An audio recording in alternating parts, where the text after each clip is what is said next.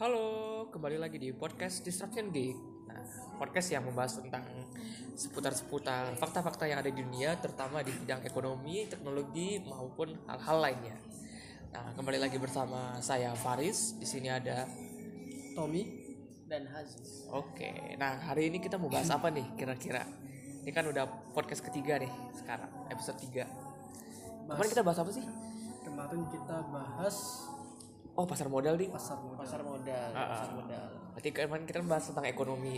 Nah, itu dari ekonomi yang makro ke mikro. Nah, kali ini kita pengen bahas lebih ke makro.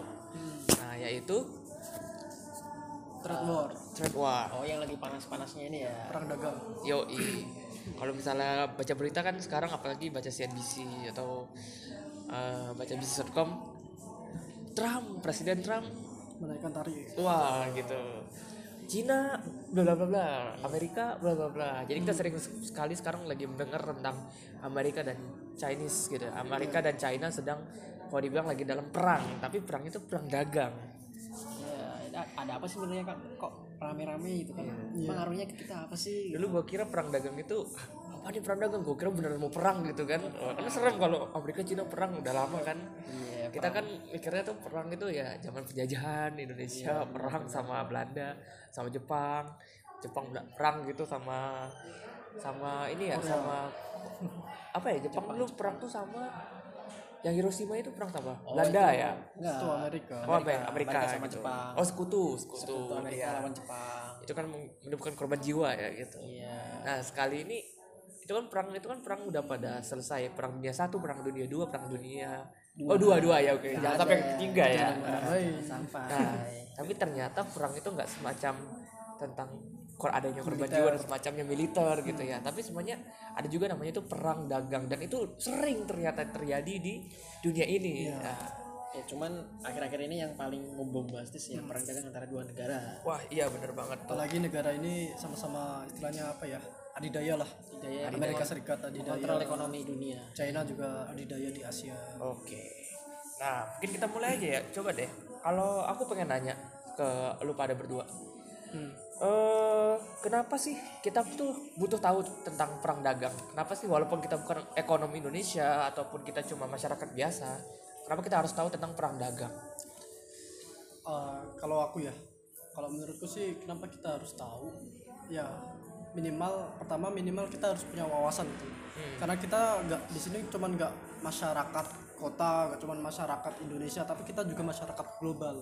Oke. kita tidak apa ya istilahnya ya jangan terbatas lah jangan terbatas dengan wawasan yang hanya memberikan informasi tentang Indonesia saja kita harus juga uh, menggali informasi wawasan mengenai dunia ini secara global Oke. ya Kalau lu gimana Jis? Mungkin bisa lebih detail lagi nggak?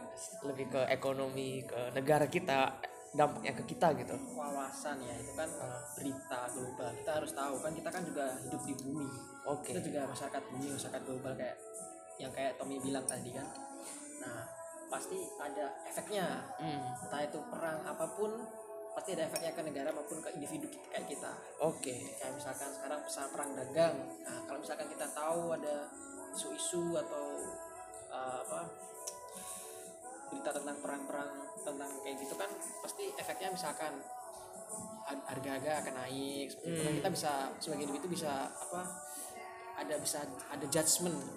Misalkan kita mau oh nanti aku mau beli mobil A tapi ternyata oh ada perang dagang. Ya pasti oh. Nanti pasti naik jadi ya- jadi bisa jadi aku beli sekarang ah. Oh, iya iya iya. atau justru nanti perang dagangnya udah kelar mau kelar kan nah, nanti aja sekarang lagi naik gitu kan. Nah, itu bisa menjadi apa eh, pertimbangan pertimbangan Pertimbangan. kita untuk melakukan sesuatu. Bukan hanya jual beli tapi juga kayak misalkan kalau kita punya perusahaan itu kan. Iya. ya eh, bahan bakunya gimana juga mengatur neraca. Gitu gitu Berarti ya apalagi kita umur 20-an nih ya. Umur 20-an nih kita tahu dengan tahu-tahu tentang beginian. Ya mungkin kalau kemarin dengar podcast tentang pasar modal kita juga udah pernah bilang ya umur 20-an ini coba digali-gali eksplor-eksplor banyak hal terutama di bidang ekonomi ini. Karena ini bakal mempengaruhi pengambilan keputusan kalian nanti pas nanti ketika kalian udah mungkin mulai buat perusahaan atau pengen membeli aset dan semacamnya gitu. Ya kan nggak mungkin. Iya. ya pasti semuanya sih teman-teman pasti semua pengen kaya ya gitu. Gitu maksudnya intinya pengen wealth wealthy ya gitu. Jangan sampai miskin gitu nah pasti semua itu nggak bisa didapat dengan instan gitu kalau instan ya kayak mie instan kerja kerja keras Uh, uh, harus kerja keras dan cerdas gitu. Yang pasti kita harus tahu apa yang harus kita lakukan ke depan. Kita punya langkah-langkahnya. Nah, dengan begini mungkin kita sharing-sharing juga sambil belajar bersama. Dari podcast ini kita bisa membantu teman-teman dan bisa sharing kita juga belajar bersama lah gitu. Kita bisa uh, mempersiapkan diri di ke depannya gitu. Oke, nah kalau dari perang dagang ini, nah kalau menurutku tuh perang dagang itu lebih ada yang namanya apa ya sering bicara tentang impor sama ekspor. Boleh nggak teman-teman sharing umum kenapa impor ekspor gitu yang paling banyak yang dibahas juga di perang dagang? Hmm, iya kan permasalahan pertama dari Amerika kan ini waktu Trump kepilih nah itu kan marah Trump itu dibuka laporan-laporan sebelumnya tuh kok ini impor impornya ini apa, uh, banyak impor dari Cina tapi taxnya juga nggak naik. Banyak yang apa ya eh, per- hubungan perdagangan Amerika dengan negara lain tuh Amerika ngerasa kayak dirugikan. Eh, ya defisit, Defisit, terus- defisit. Apa yang membuat ngerasa ini defisit kenapa? Terutama in- ini Cina kan. Cina paling banyak juga yang ini ya. Kalau dihitung ekspor impornya Amerika Cina tuh kalah kalah Amerika. defisit Amerika. Makanya kan Trump tahu-tahu mau mengeluarkan kebijakan kayak naikkan tarif impor dari Cina. Oh, nah itu. Jadi maksudnya itu kan kalau ini ya kita kita luruskan lagi. Lebih jelas kalau impor itu kan berarti negara ini mengimpor. Berarti kan negara itu mengam apa ya membeli barang membeli barang gitu. Kalau ekspor berarti kan dia menjual barang. Berarti di kalau dari Aziz sama Tom jelasin tadi eh, Amerika itu banyak impor nih dari Cina gitu. Misalnya bahan-bahan baku gitu. Nah, nanti pas impor itu kan orang dari Cina orang-orang yang ekspor itu eh selama ini ekspornya tuh murah gitu gitu. Ah ya Eh, jadinya pemasukan ke negaranya tuh nggak signifikan Oh iya karena kan impor ekspor itu kan ada, Ada tambahan gitu ada, ya. Uh, itulah yang menjadikan negara itu bisa profit kan juga. ya Devisa nggak sih maksudnya? masuknya ke Devisa negara ya. devisa Uh, kas negara jadi kalau misalnya teman-teman dulu belajar IPS kan pas SD SMP kan udah kenal dikenal Eh. impor ekspor ya gitu ya. ya impor ekspor Nah impor ekspor itu kita harusnya bisa ngerti sekarang gitu karena banyak ini di berita itu terjadi nih kayak perang dagang gini. Jadi nggak sekedar ilmu-ilmu dulu lah SMP. penting gitu. untuk dipahami ekspor impor itu kebutuhan wajib setiap negara Hmm. Kalau pengen negaranya Ekonominya hidup, ekonomi stabil. stabil harus ada ekspor impor karena itu kan ke- kebutuhan dasar manusia itu ya jual beli Oh iya iya. kalau ka- ka- kalau negaranya tidak ekspor impor sama sekali kayak Korea Utara Hmm. dia produksi dalam negeri sendiri jual Iya. dalam negeri sendiri ya itu kan kayak gitu putaran ekonominya cuma di dalam Nah, tertutup Oke, mungkin dari Tommy bisa nggak jelasin apa sih sebenarnya perang dagang itu? Kalau misalnya teman-teman biar tahu gitu pengertiannya gitu. perang dagang ya ya bisa didefinisikan seber- sendiri sih sebenarnya perang sama dagang. Nah sebenarnya dagang ini sesuatu yang lumrah gitu yang terjadi misalnya antar antara dua negara. Ini kan dagang ini juga kan ada kesepakatannya juga. Nggak nggak apa ya istilahnya nggak semena-mena semena-mena aku ingin ekspor ini ekspor itu. tapi juga ada perjanjian oh, misalnya Amerika ekspor ekspor eh, eh, barang A ke China. Terus di apa Amerika juga harus mengimpor barang B dari Cina jadi ada perjanjian eh, perjanjian bilateral. istilahnya apa ya? Untuk balancing lah. Balancing gitu ya. Jadi nggak menyeimbangkan. jadi nggak eh, nggak satu negara jual untuk ya nggak bisa tapi nggak bisa gitu. harus balance. Nah. Balance. Nah dari balance itu juga kadang eh, da- dari tiap negara ini kan juga pengen untung ya Iya. untung nah Win-win solution. makanya kadang negara ada salah satu negara itu yang istilahnya kayak curi-curi eh, cu- agak-agak curang tapi ya nggak ketahuan Oke oke. Ya. dan itu yang dirasakan Trump sama negara China karena China istilahnya apa ya eh, ini juga Trump itu menuduh China me- mencuri apa ya hak, -hak paten patennya Amerika intelektualnya Amerika. Jadi ide-ide inovasi-inovasi yang dimiliki Amerika itu di Digunakan Cina. eh, di copy di copy Katanya- oleh China. bikin di Cina terus dijual lagi ke Amerika. Oh. jadi merasa tercurangi. Hmm, itu salah satunya sih. oh gitu. Tapi kita lihat di pengadilan aja. Iya, jangan kita kan- berspekulasi. Eh, itu kan dikatakan gitu ya. Iya, kita kan di sini cuma belajar lebih. Iya. Ke mencari tahu fakta-fakta dari berita gitu. Yang penting kita tahu perang dagang itu apa gitu. Iya. Jadi mungkin kalau misalnya aku ambil kesimpulan sih perang dagang itu intinya dari satu negara ke satu negara lain tuh tadinya punya hubungan bilateral secara bisnis gitu ya. Secara impor ekspor tadi. multilateral pun bisa Uh, uh, misalnya dari Indonesia nih, Indonesia kan impor ja- uh, Indonesia tuh ekspor kelapa sawit ekspor kelapa sawit gitu. Tapi impor apa eh, Ero- ek- eh, ekspor ya tapi Impor Eropa. Eropa ketik ngizinin kita eh, ekspor kelapa sawit ke Eropa tapi kita harus ya impor, impor apa? ke Eropanya. Impor ke dari barang yang Eropa. lain gitu. Impor jadi sama-sama jual sama-sama beli gitu. Jadinya negara tuh punya sama-sama pendapatan lah intinya. Iya. jadi ada kesepakatan. Nah perang dagang itu ketika kesepakatan itu dirusak gitu intinya ya. Jadi yang tadinya kita punya kesepakatan tapi salah satu ada yang melanggar. Ada yang misalnya nih ya kalau mungkin gue pernah denger ini kemarin itu Indonesia kan ya tadi ya ekspor kelapa sawit biasanya. Salah satu pendapatan komoditas paling banyak di Indonesia itu kan ekspor kelapa sawit ke Eropa gitu. Iya. kan untuk bahan buat coklat bahan buat sabun di Eropa gitu. Tapi gara-gara masalah green ya green apa ya lingkungan. Uh, apalagi kan kita tahu kalau di Eropa itu sedang menerapkan ini Iya. menuju apa menuju hijau ya negara hijau lah. Jadi kayak kemarin itu Paris Agreement itu Ya, guys. menjaga iklim nah dengan penghijauan. Nah salah satunya ialah menentang penggunaan kelapa sawit menjadi bahan. Karena kalau misalnya kelapa kalau dari kata Greenpeace ya tuh kalau misalnya kelapa sawit itu makin banyak eh kelapa sawit itu kan kalau misalnya digunakan kan itu nanti kan diambil gitu kelapa sawitnya. Nah, tanah-tanah yang udah dipakai kelapa sawit itu biasanya bakal rusak. Karena kelapa sawit itu menyerap unsur-unsur hara yang ada di tanah. Akhirnya kan tanahnya tadi yang hijau, misal dulu hutan, terus jadi jadi kebun sawit. Jadi kebun sawit pas udah dipakai, tanahnya kan jadi gersang, jadi nggak bisa digunakan lagi. Jadi kan menjadi waste gitu. Yang akhirnya itu kelapa sawit merugikan negara apa merugikan lingkungan. lingkungan lah intinya. Dan itu di Eropa tidak boleh. Yang akhirnya Eropa itu menyetop impor kelapa kelapa sawit. Atau kalau bisa dibilang Eropa menghentikan Indonesia untuk ekspor ke eh em- ekspor kelapa sawit ke Eropa akhirnya kan Indonesia nggak bisa jualan kan yang tadinya punya pendapatan jadi enggak nah itu kan padahal tadinya ada perjanjian nah itu kan jadinya problem akhirnya terjadi perang dagang Indonesia dengan Eropa kemarin gitu oke bagaimana mensiasatinya. Iya, bagaimana caranya bisa dapat uh, kesepakatannya yang benar gitu. Padahal tadinya udah punya perjanjian. Iya, gitu. Oke. Mungkin uh, nanti kita bakal lebih tahu lagi dengan banyak-banyak contoh di perang dagang yang terjadi ya. Jadi sekilas, sekilas itulah pengertiannya. Terus kira-kira apa yang lagi hits nih tadi China Amerika coba Tom kemarin yang dampaknya Yang lagi- mungkin agak bisa langsung dampak ke pribadi gitu. ke pribadi Hmm, Ini mungkin ya chip ya atau gadget ya. iya gadget sih gadget jadi jadi kan dampak perang dagang ini kan bisa melemahkan rupiah juga terjadi gejolak gejolak ekonomi global yang dampaknya eh, ter rupiah terdepresiasi Oh ya. Nah, akhirnya barang-barang impor itu juga jadinya mahal.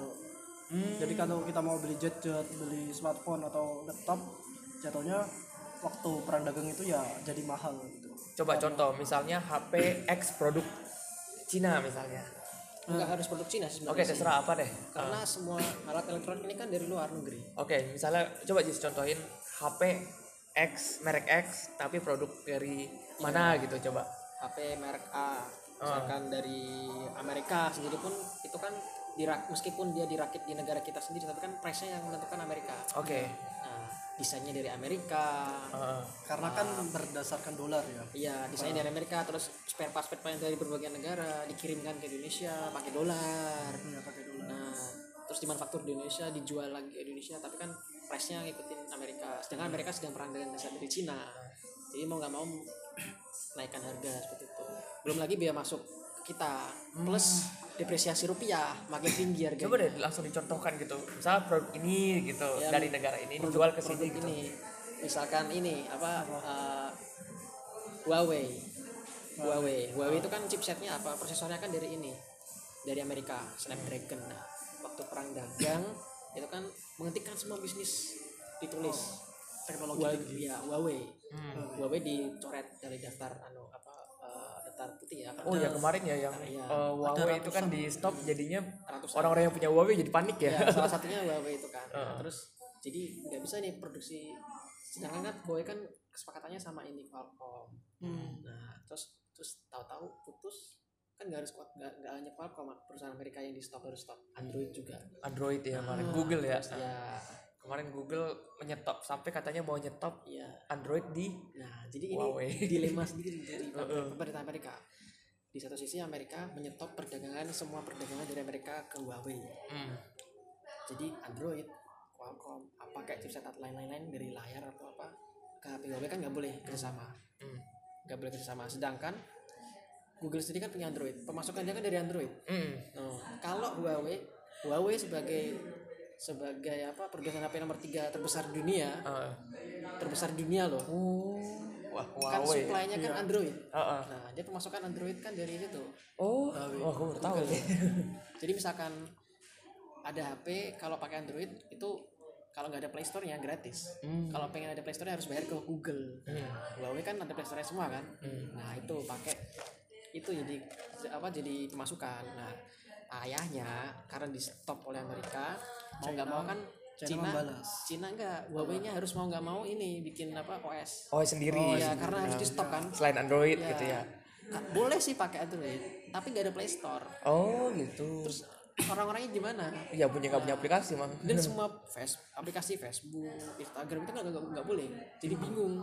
Terus sedangkan Google sendiri kan melihat Huawei sebagai produsen Tiga. besar Ah.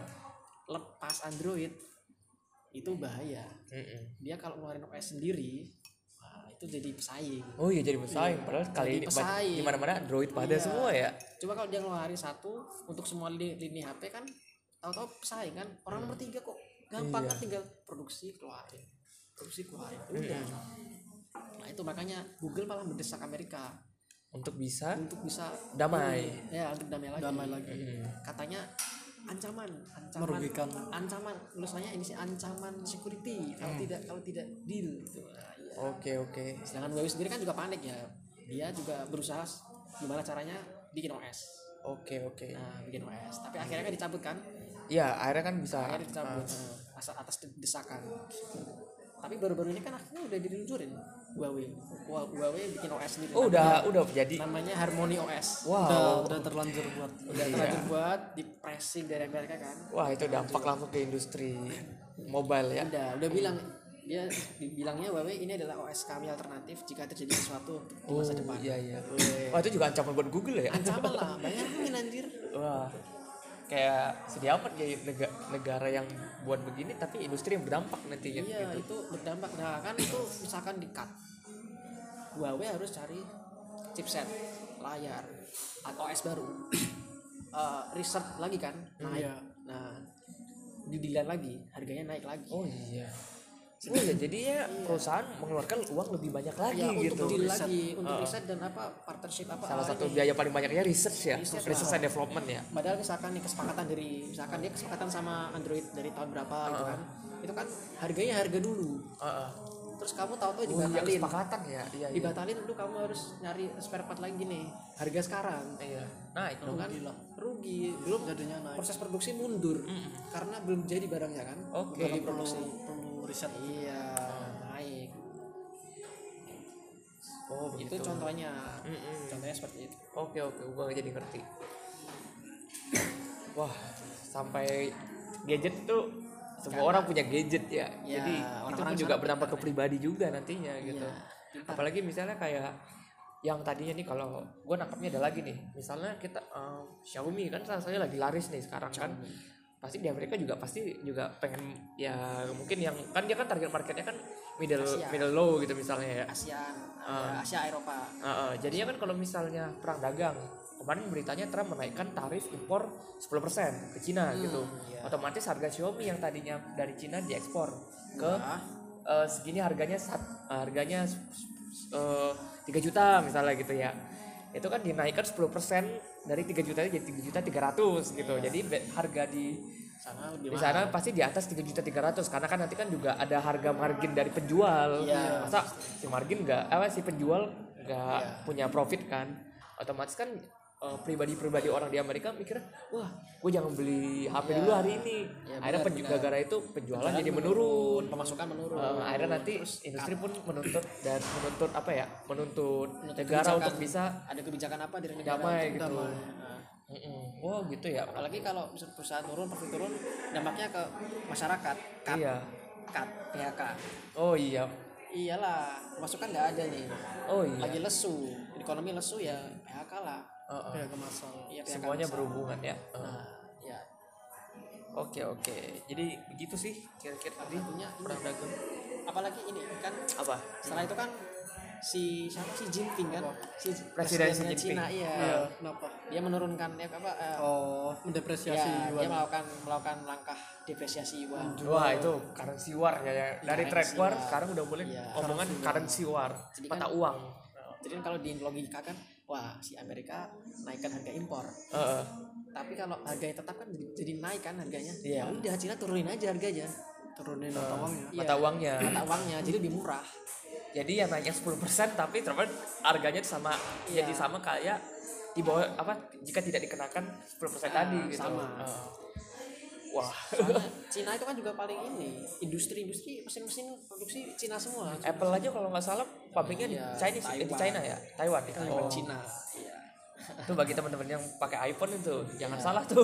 iPhone itu Tapi desainnya pabrik- di Amerika gitu. semua itu desain hanya di Amerika tapi kalau pabrik kalah sama Cina Iya. produksi-produksi Cina bahan baku di Cina cuman dia desain-desain doang Ya Desain- terbukti lah dari teman-teman kalau lihat di mana-mana produk made, in- made in China gitu. Iya, bukan karena- bukan berarti made in China itu wah kalau dulu kan ada yang bilang zaman-zaman dulu ah made in China KW KW gitu.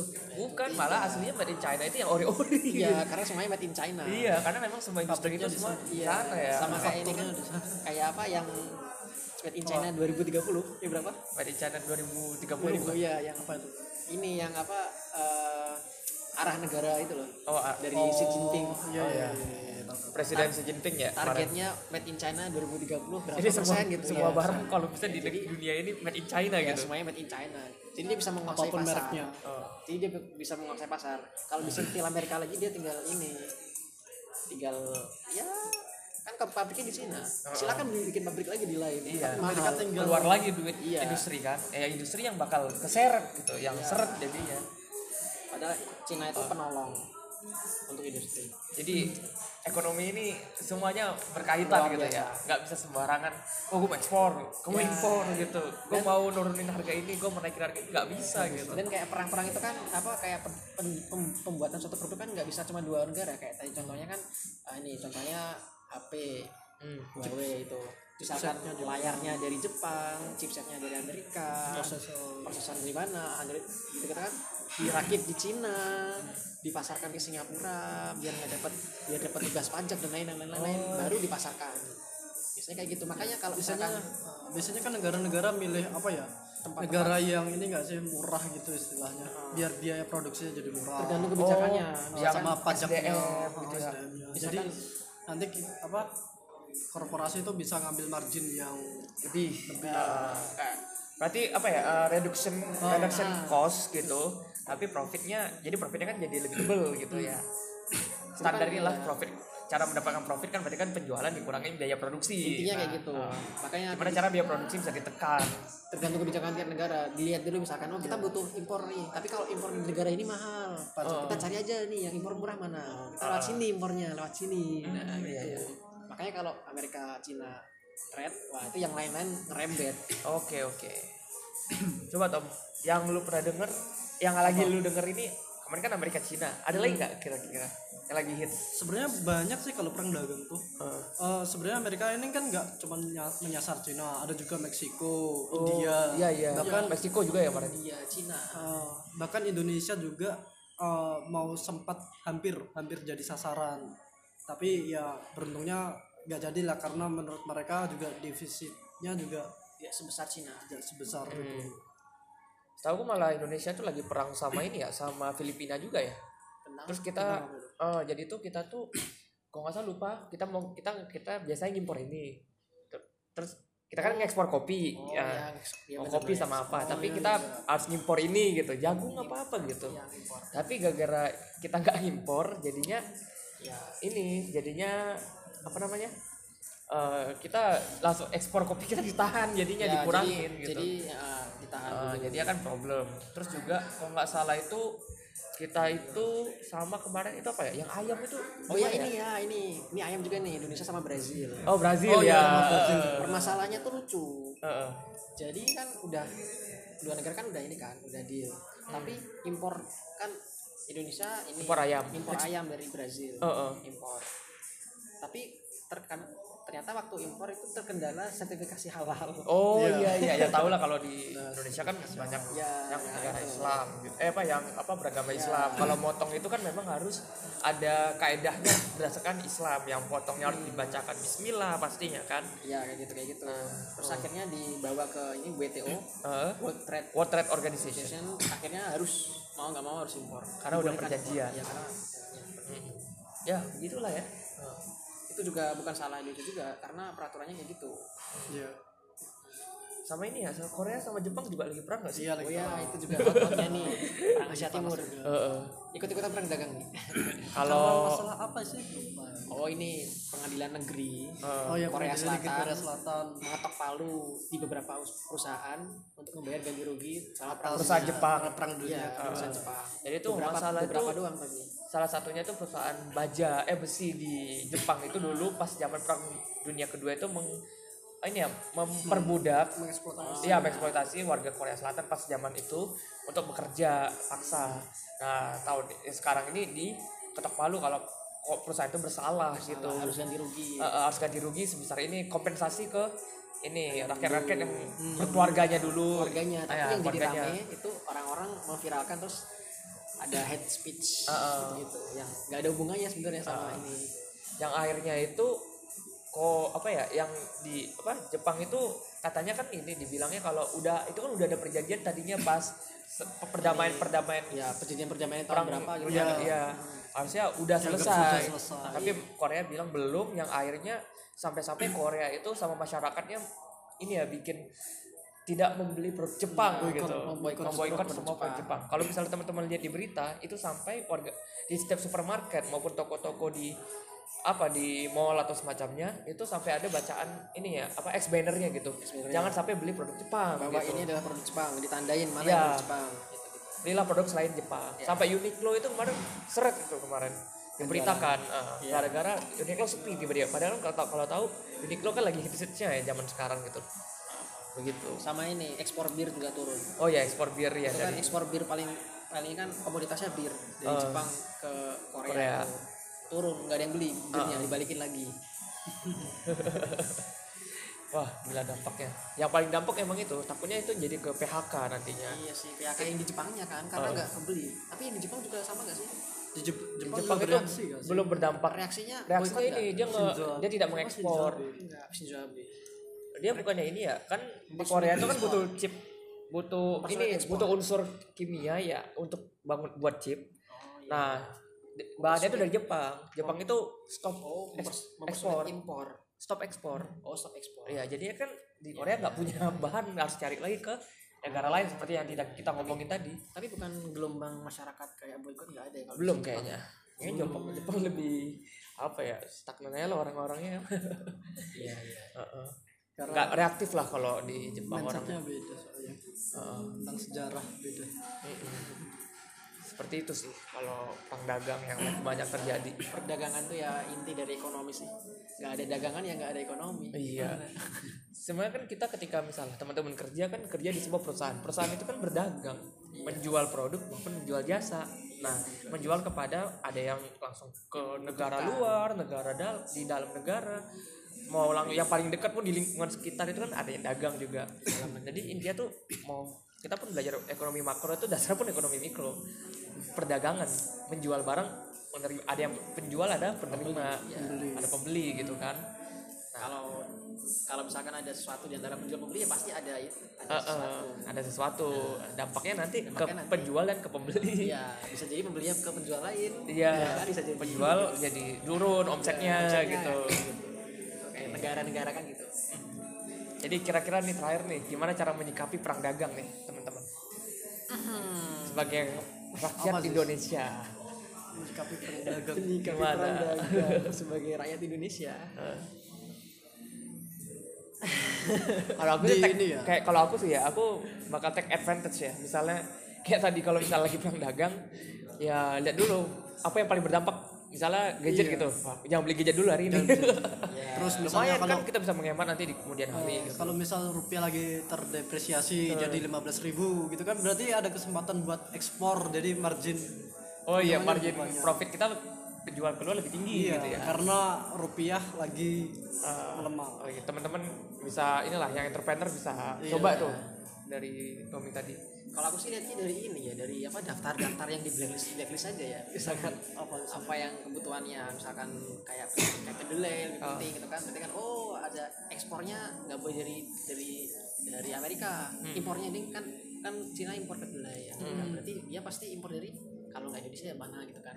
Iya. Pasti ada potensi. ada ya. keuntungan juga sih buat keuntungan ada peluang peluang bisnis kalau pengen. Cuman Atau peluang ya- investasi juga. Kayaknya kita belum bisa Yes. terlalu ini ya Karena kita memanfaatkan juga belum punya duit kan. Iya. Pasti proses lah gitu. Soalnya kalau kita udah punya usaha, kita bisa Intinya sih belajar dulu lah. Kira-kira kita bisa paham di dunia Ya, ini ada apa yang terjadi. Itu kan kalau bisa ini harusnya ini kemampuan umum tem- manusia tahu gitu, masyarakat tahu gitu. Karena biar tahu nanti menyikapinya seperti apa. Jangan asal-asal beli barang, jual barang pada waktu tertentu ya. Kita bisa lihat kan kita bisa take advantage gitu ya. Kita punya tadi ya. kepentingan apa keuntungan nantinya gitu. kayak tadi yang udah lu bilang sama gue bilang tadi Uh, kan, uh. kan kayak ke depan kita mau ngapain Nah, kayak Tommy bilang tadi kan kalau rupiah mahal murah ya kita kita nggak mendoakan rupiah jadi ini jadi paling terrepresentasi malah kalau bisa kan lebih baik gitu. Tapi ya ya pasti kalau bisa kita juga mendukung produk lokal lah ya juga. Ya kita juga sering membeli produk lokal. Jadi biar ekonomi di Indonesia berputar. Ketika ekonomi di luar lagi banyak masalah, tapi Indonesia konsumennya tetap aman, ya. pelaku konsumennya itu perilakunya tetap lancar gitu. Jadi eh, ekonomi Indonesia tetap lancar gitu ya yes. Gitu. Oke kira-kira ada lagi teman-teman? Cukup ya? Cukup untuk episode kali ini ya? Iya. Oke terima kasih pada Hasis Tommy Yus. yang sudah banyak nih sharing-sharing tentang trade war dan currency war ya tadi ya kebahas ya. karena si war juga tuh. Oke, semoga ini bisa jadi bahasan yang menarik buat teman-teman dan mungkin bisa digali lagi lebih. Karena bisa jadi kan teman-teman besok jadi entrepreneur atau mungkin jadi pekerja pun juga harus paham gitu untuk bisa wanti-wanti apa yang terjadi ke depan. Karena masa depan itu tidak bisa diprediksi akan terjadi apakah akan berdampak ke diri kita langsung apa tidak. Tapi alangkah baiknya kita punya ilmu di balik eh, dunia ini ilmu. pemahaman gitu mana tahu bisa malah taking advantage di situ yes Oke, sekian dari kita di podcast Distraction Geek. Kita see ya for next episode. next episode Oke, tunggu saja episode selanjutnya. Mungkin bakal bahas yang lebih seru lagi. stay tune Oke, thank you.